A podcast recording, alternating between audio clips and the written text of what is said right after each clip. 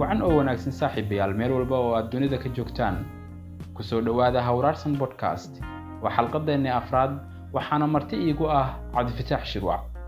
Cabdifitaax waxa uu ka mid yahay dhallinyarada soomaaliyeed ee qora amaba curiya noocyada kala duwan ee sheekooyinka.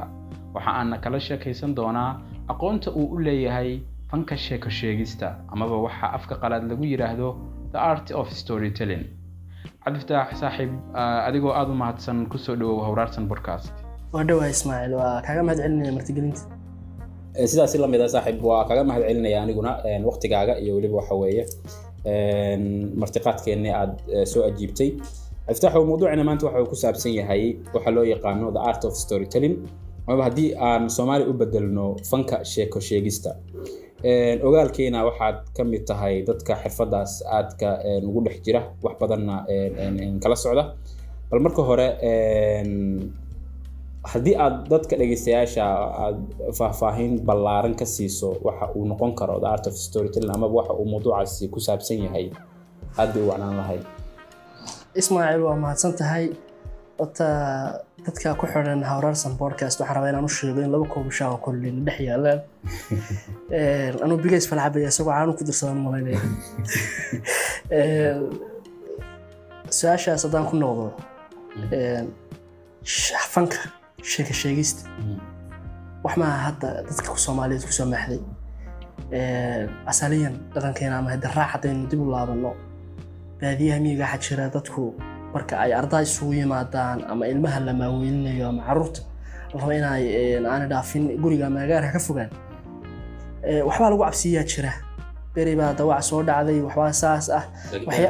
Dhagdheer ha wax hab noocaas oo maskaxdooda la sii kora marka kalena waxaa jira dhacdooyin looga sheekeeyo oo ah habka guurka soomaalidu u dhaco habka habka geela loo dhaqdo habka si wax u ah marka maha waxay nagu cusubanayaa ama inagu cusub haddaan soomaali nahay aniga fankan aad baan u jeclahay. Waa kuusoo noqonaya adiga taada intaan u gudagelin waan ogahay sheekooyin badan iyo waxaa jira waxyaaba badan oo kugu dhex jira. Waxaan rabaa waad ku dhex jidhaa fieldigan oo si fiican baa u fahamsan tahay. Marka marka laga hadlayo mawduucan oo kale waxaa jira dadku laba u qaybiyaan midna waxaa la yidhaahdaa waa traditional storytelling oo waa qaabka hadda ka sheekayso oo awowayaashii iyo dii laga soo gaaray oo soomaalidu intooda badanda soomaalidu waa dad jecel sheekooyinka iyo hadalka jecel. Wax dhigaalka iyo qoraalkuna waa ku yaryahay marka taariikhdana badankeedba qaabka lagu soo gudbiyay waxay ahayd qaabka sheeka sheegista ah. Waxaa isna jira qaab kaloo cusub oo ah qaabka hadda loo yaqaano digital storytellingka oo ah qaabka aad mostly hadda xirfadaada ku saabsan tahay marka marka comparison ku samaysa labadaas qaab qaabkii ayayooyinka iyo sheekooyinka ay u sheegi jireen iyo qaabkan cusub ee hadda adigu ka mid tahay dhallinyarada promote garaysa maxaa farqi u dhexeeya bay kula tahay markaad isbarbardhig ku samaysa labadaas hab? Wallaahi ma oran karo wax aad baa u dhexeeyo farqi ah. Ta keliya u dhexaysaa waxay tahay markii ehelkanu inooga sheekeynaya ana waxaan tahay? Ayay koris anu garabaa inaad tahay adigu ayay koris maahay laakiin ayay si fiican baan waxa weeye waqti badan baan soo wada qaadanay. Ha ma anu nolosheeda waqtiga ugu badan waxaa la qaatay ayay koris baa ahaa ama qof haweenaya waqti oo hooyo ama ayayan ku dhex jiray marka waxaa jira hab habeenkii qofka marka la seexinayo ama carruurta waxaa yidhahdaa bad time stories. Ha marka waxyaabaa jira laga sheekeeyo oo waaqicii hore jiray ah oo lays yidhaahdo maskaxda qofka lagu koriyo oo ilmo walba looga sheek sheekeyn jiray markaan ka sheekeeya caruurnimadeydii farqiga kale ee ah xilligaa markaan dareenkeeda eego iyo kan habkan digitaalka hadda oo muuqaal baahinta sheekadii socoto muuqaal ah. Taas taas waxba kagama duwana. Waa ilmo yar oo looga sheekeynayo hadda qofku wuxuu noqonaya markuu digital daawanayo sheeko ah story ah oo la rabo inay saameyn ku yeelato waa ilmo yar oo xilligaa looga sheekeynayo oo maskaxda ilmaha yarna waa tagtay meel walba moogta si haddaba inoo qaado sheekadu. Oo qofku markuu kuu sheekeynayo uu ku geynayso meeshii ay wax ka dhacayeen habkaasoo kale weeye tan muuqaal baahinta haddana ee digital storytelling. Ujeedku waxa weeye digitalku in qofkii la geeyo waaqici ama halkiisay sheekadu u socotay dareenkii iyo isagii la isku lifaaqo laisfahansiiyo labada. Halkii awal khayaal qofka uu ku tegi lahaa halkaas uu mala awaal suuraysan lahaa hadda in caadi loo horkeeno wixii looga sheekeynayay.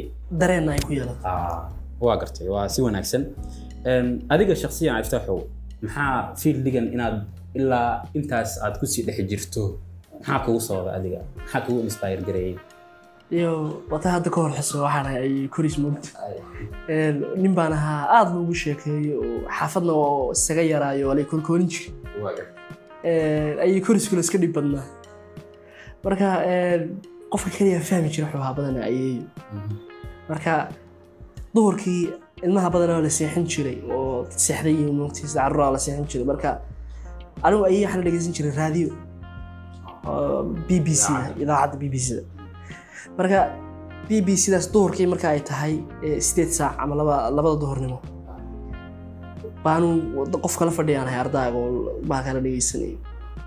Marka waxaan xasuustaa xilli xilliyada ka mid anoo waqti badan la qaadanayay oo iyadii ku dhex jiray oo wixii sheeko xitaa waxaan bartay habka wariyuhu xilliguu sheegayo qodobada wararka iyo sida uu u tabinayo jadwalka idaacaddan xafiday anoo yar.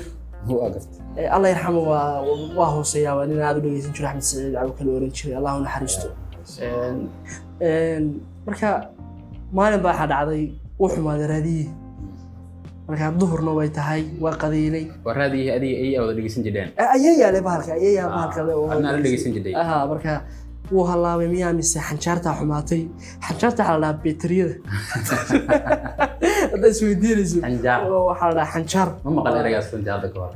Bateri baan u aqaanay beteri waa xanjaar baa gobollada qaar dhagax baa looga yaqaana aan khaldanayn dhagaxna waa loo yaqaanaa. Marka waxaa jira kaa xilliga bahalka maroodi aan ku sawirnaa. Ah, astaayaro maroodi oo lahaay xanjaar maroodi baa wax noocaas isaga waran jira marka meel makhaayad ah oo guriga yanaysi jeedkiisa ah marka yar loo dhaafo ah, baan aadayay oo warkana laga dhageysto isla raadiyo noocaasi u yaalo laakiin dee maqaaxishaha lagu cabaa. Oo oo raggu isugu yimaado shanta galabnimo iyo labada duhurnimo laga dhageysto marka duhurkii badanaa eh, qolooyinka qayila iyo waxa noocaasa dhegeysan jiray waxaas. Galabnimadina dadka dee caadiga ah oo dee qofba dhinac bay ugu soo hagaagaysa waa aaday meeshii warkii baan qodobadiisii soo xafiday. Say wax u socdeen baan xafiday.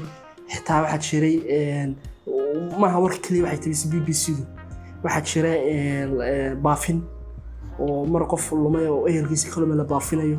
Oo dhinaca laanqayrta cas lagu hagaajinayo. Waxaa jira dhan marka qofka uu tahniyad meher qof loo dirayo laba lamaano ah. Iyo hadba qodobada warku sii haayeen adu intii baa intaan isku soo xafiday oo soo qodobeeyey oo maskaxdeeda ku soo qortay. Dee qodobeyn hadda waxaa la markaynu takinka hadda qaadanayso intaan kula fadhiyo. Maskaxdeeda ku soo qodobeeyey baan ayay u imi war xagaadaa dee laygu yidhi hadalkii laygu bilaabo. Waa fakeraysaa haayo. Halkana tusbaxeedii haysataayo. Allah u naxariisto hadda ma noola marka waxaan idhi imaqal ayay anaa qodobadii warka maanta haya warka xadda adihinaya axmed saciid cawke qodobada warku saay saasay ahaayeen hebel iyo heblaaye aa isguursaday hebel iyo heblaaye iyo hebel iyo heblaaye baa tahaniyad meher u magaceeda. magacyadoodan maqlay. Eh, hebelka hebel baa walaalkii ka lumay sanad xilligaasi ugu dambeysay. Xafiiska laanqeyrta cas ay ku leeyihiin beled xaawo baa la yidhi ugu hagaaji hadba qofkii xilligaas xilligu ku aadan yahay. Marka waa yaabtay way aamustay. Waxay tiri waxaan ka baqayaa inaad wariye igu noqoto marka eh, marka halkaasi waxay ahayd een, yacni barbilowgaagii aad ka bilowdo waxaa loo yaqaano sheeko sheegista sheeko sheegista maaha xirfad wariyanimo maaha. Laakiin waa iska jeclaad waxaan ku koray bay waa gartay cabdifataaxow een, runtii waxaa la ka muuqata in adiga iyo ayeeyo xiriirka idinka dhexeeya uu ahaa xiriir aad u adag. Een, ilaah subxaana watacaala waxaan uga rajeynaa ayena in uu jannadiisa geliyo. Een, sheekada hadda aad ka sheekaysay waxay ahayd barbilowgii inaad cilmigan hadda aad ku shaqaysay ama xirfadan hadda aad ku shaqaysid inaad sii wadid ood sii guda geshid. Een, waad hana qaado waad soo kortay. Dugsigii sare iyo jaamacaddii waa ka soo baxday. Hadda waqtigan la joogo maxaad tusaale naga siin kartaa oo ka mid a waxyaabaha ku hirgalay intii xirfadan aad ku guda jirtay ee, sheeko sheegista ah waxyaabaha aad qabatay maxaa ka mid ah? Niyahow waxaan aada ugu farxay. Dhammaadkii sannadkii labada kun iyo sagaal iyo toban waxaan isbaran dhalinyaro aan islahaa dee midba gobolkale ka soo horjeedo oo la yidhahdo somali story tellers oo mar dambe aan magac yeelanay. Marka markaad aragto dad xirfadaada aadna ku jiro oo wada waa wax aada maaragtay kugu ahiil qofkaas muddo xirfad buu lahaa stiil hadda waa isku xidhannahay. Waxaan rabaa inaan u sheego dadka naga dhegeysanaya halka ismaaciil waa ka mid waa xubin ka mid ah Somali Storytellers. Waa ninka halabuurkan le hawraarsan ani haddaad i weydiisay wax halhabuura oo igu sii waday inaan bulshadii ku celiyo. Eh, niyow mar baan xaasaasay labada kun iyo sagaal iyo tobankii mashruuc yar oo la yidhaahdo oo social eh, media platform oo lagu eh, dhiirigelinayo dhalinyaradu inay dhaqankii dib ugu laabtaan. Eh, waxaa la dhahaa mansom mansom waxaan ugu bixiyey man waa maankii oo markaad sheekadii qofka ku xiranayso maankii gelaysa garaadkii. Ama wixii iswaraysigan hadan oo kale ah. Somna waa soomaalidana soo qoyn marka man som oo isiga soo gaabiyey. Badanaa waxaan wadaagaa sawir qof hidda iyo dhaqan gashan oo aan isaga weydiistay inaan isticmaali karo. Xuquuqdiisa markaan weydiisto waayo ma baahin karo sawir aan qof weydiin oo markaana waxaan ku lifaaqaa oo ma kula xiriirsiiyaa baraha bulshada waxa uu ka isticmaalo ama magaca uu baraha bulshada ku isticmaalo si dadku ay u arkaan inaan barnaamijkaas aan- waan ku taagereeyaa isaguna uu helo. Fariin baan u isticmaalaa fariinta dhalinyarada hashtag. Marka ma aha sheeko curin laakiin hidiya dhaqankii marka la gashan yahay qofkan waxaa la garanaya inuu asalkiisu soomaaliye yahay qeexitaankiisu uu soomaali yahay. Definitionkiisu uu yahay soomaali. Taa laftarkeeda waxay tahay sheeko. Marka anigu waxaan ka fekeray kaa dhex galaya. Marka captionka aad raacinaysid ama qoraalka aad raacinaysid ma qoraal qofkaasi ka tarjumaya oo qofkaasi uu yiriba mise waa qoraal adigu aa curisay oo sawirkaa la xiriira? Badanaa waxaan weydiiyaa qofka markaan sawirka ka qaadanayo. Kaba soo qaad sawirka waxaan ku arkay ama instagram ama facebook. Waa la xiriiraa dad baa jira aan waayo. Kuwa captionka anaa dul saara laakiin kan anaa weydiinayo fariinta dhalinyarada u diraysa waa maxay dhaqanka baan dhahaa? Marka laba laba waxba waa promote garaynaysaa midda koowaad oo dhaqanka ah iyo midda labaad oo shaki sheegis ah oo qofkan inaad wixii ku jira isaga fikirkiisa ahaa bulshada la wadaagtid. Haa waxaa ka sii cajiibsan eh, dadkaan muuqa sawiradooda ku wadaago meesha badanaa. Boqolkiiba toddobaatan diaspora So- soomaaliya maba joogo lama maqal inta badan. La- lama maqlo. Haddana waxaan aada ugu farxay inaan ku arko hugii dhaqanka. Iyagoo xiran. Iyagoo care joogo kale aan dhulkoodii ahayn. Waa gartay. Cabditax waa wax qurux badan. Ma jiraan wax sheekooyin ah. Marka laga yimaado waa u soo noqon doonaa mansom. Oo runtii ah dee hadda platform aad u qurux badan shaqada uu qabto iyo hawsha uu bulshada u hayo. Laakiin ma jiraan initiative kale oo aad samaysay. Tusaalahaan waxaan ka warhayaa een, website dhowr blog oo aad adigu shakhsiyan gaara u leedahay oo ay ku jiraan sheekooyin badan oo dad soomaaliya ka tarjumaya amaba ay la xiriira. Marka bal iyagana halkaas xoogaa yar haddii aad bidhaamin kadib way qurux badnaan lahayd niyo dadka waxay u yaqaanaan balwadda ama mukhaadaraad ama qaad ama khamri qofku ama sportsba magacyo badan bay leedahay waxaan aad isaga taxalluqa anigu ama waxaad kaba soo qaadaa doonta faanka reer muduga mood laakiinse inaan dhegaysto qofkan oo uu geeyo meel kale oo waaqacan anigu joogaan hadda ahayn saan u daraadsadeeyo xaaladda markaa ku sugnaa qofkaasi ama ama aan soran lahaa niyo talaa qofku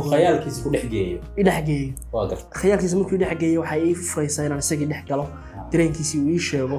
Oo qofku markuu eh, hadda xirfadan storytelling dadka cilmiga nafsiga ah qofku markay hadda wareysanayaan oo kale oo su'aalahay weydiiyaan badanaa waa caruurnimadaadiisay ahayd iyo mataqaanaa markay dee rabaan inay xaalad ka soo gudbiyaan maskaxdiisa ah. Way dhegeystaan marka waan qoraa sheekooyin waan qoraa. Wordpress baan leeyahay linked ku ah een, twitterkaan isticmaalo ama facebookayga oo ay waa linkiga hoos baan u soo dhigi doonaa. Qofkii xiiseynaya inuu akhristo inuu akhristo haa. Marka xitaa sheeko anigaaba igu jirto oo- meesha aan leeyahay.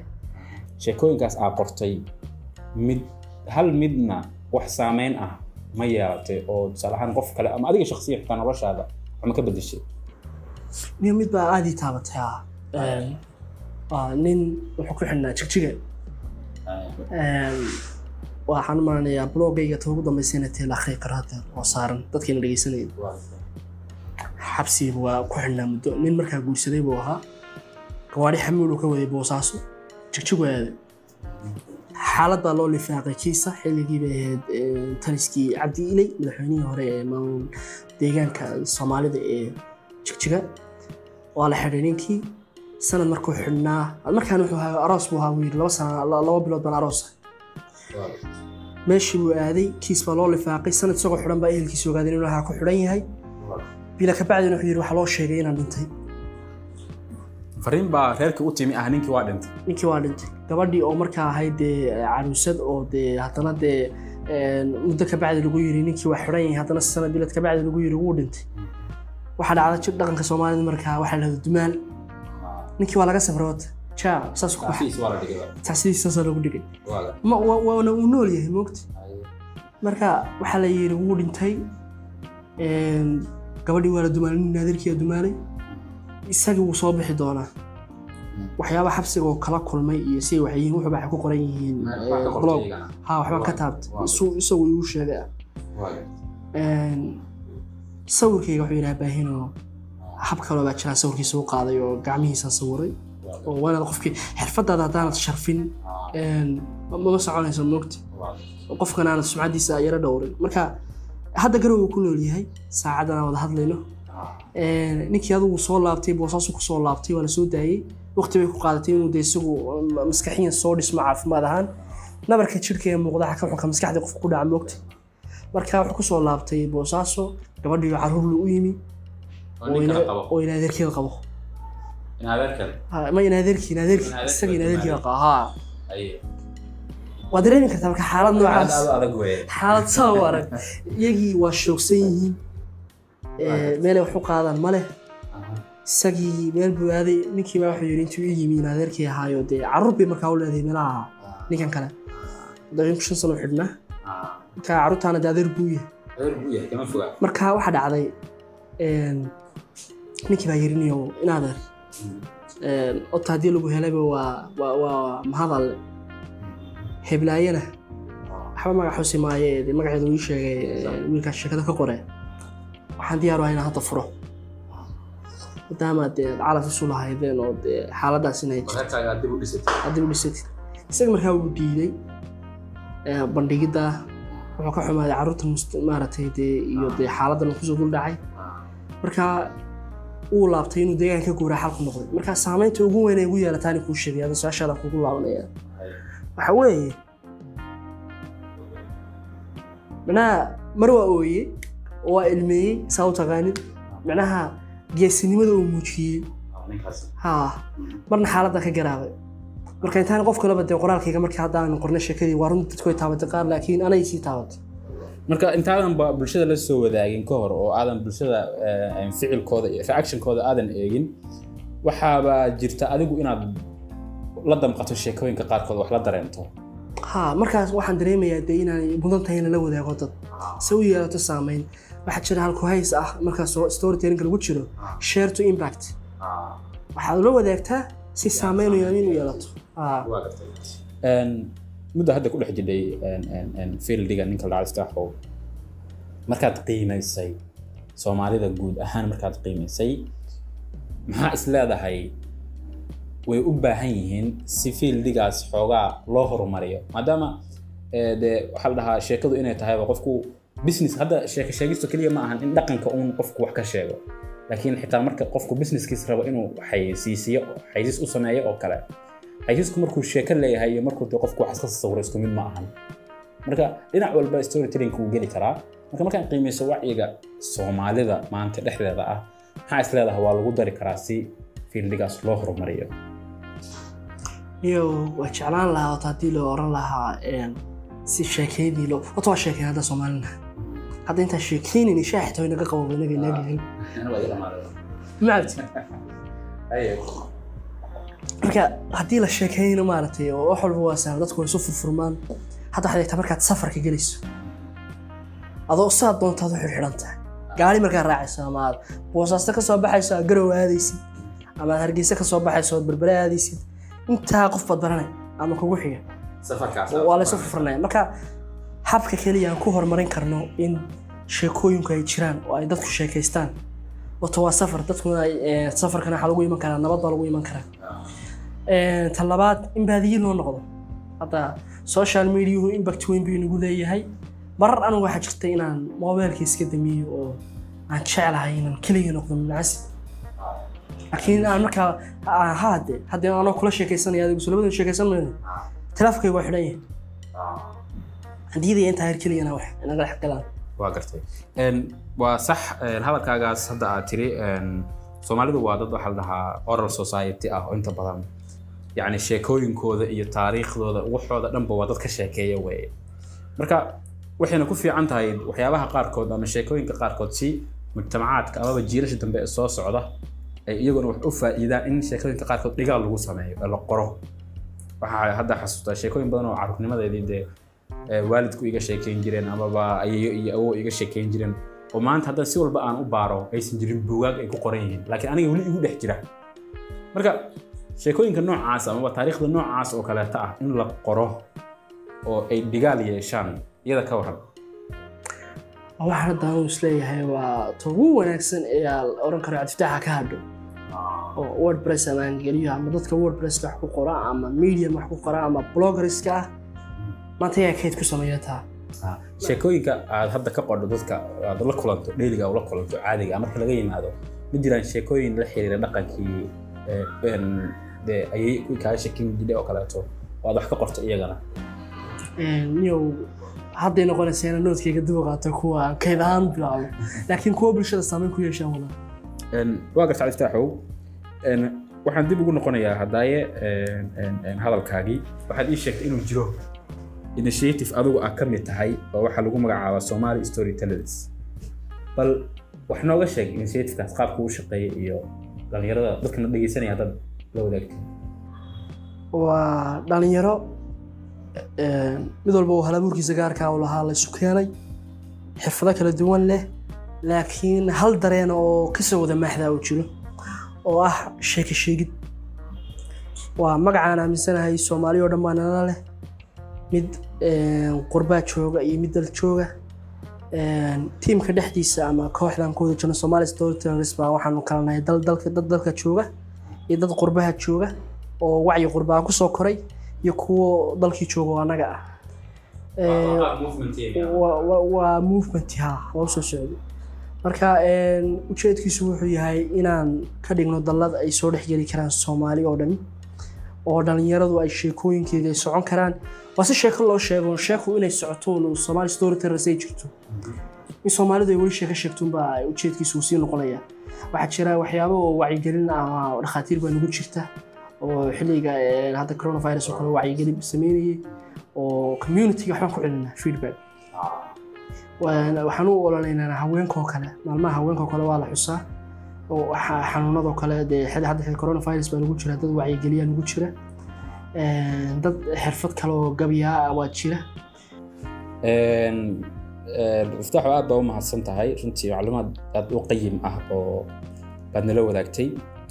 Waxaan rabaa maantay wiil dhalinyaro ah ama gabar dhalinyaro ah oo laga yaabo inay da-yar tahay xirfad badan aan lahayn oo ayba dhici kara inay dugsiga hoose ama dugsiga dhexe ku jirto ama dugsiga sare uu ku jiro.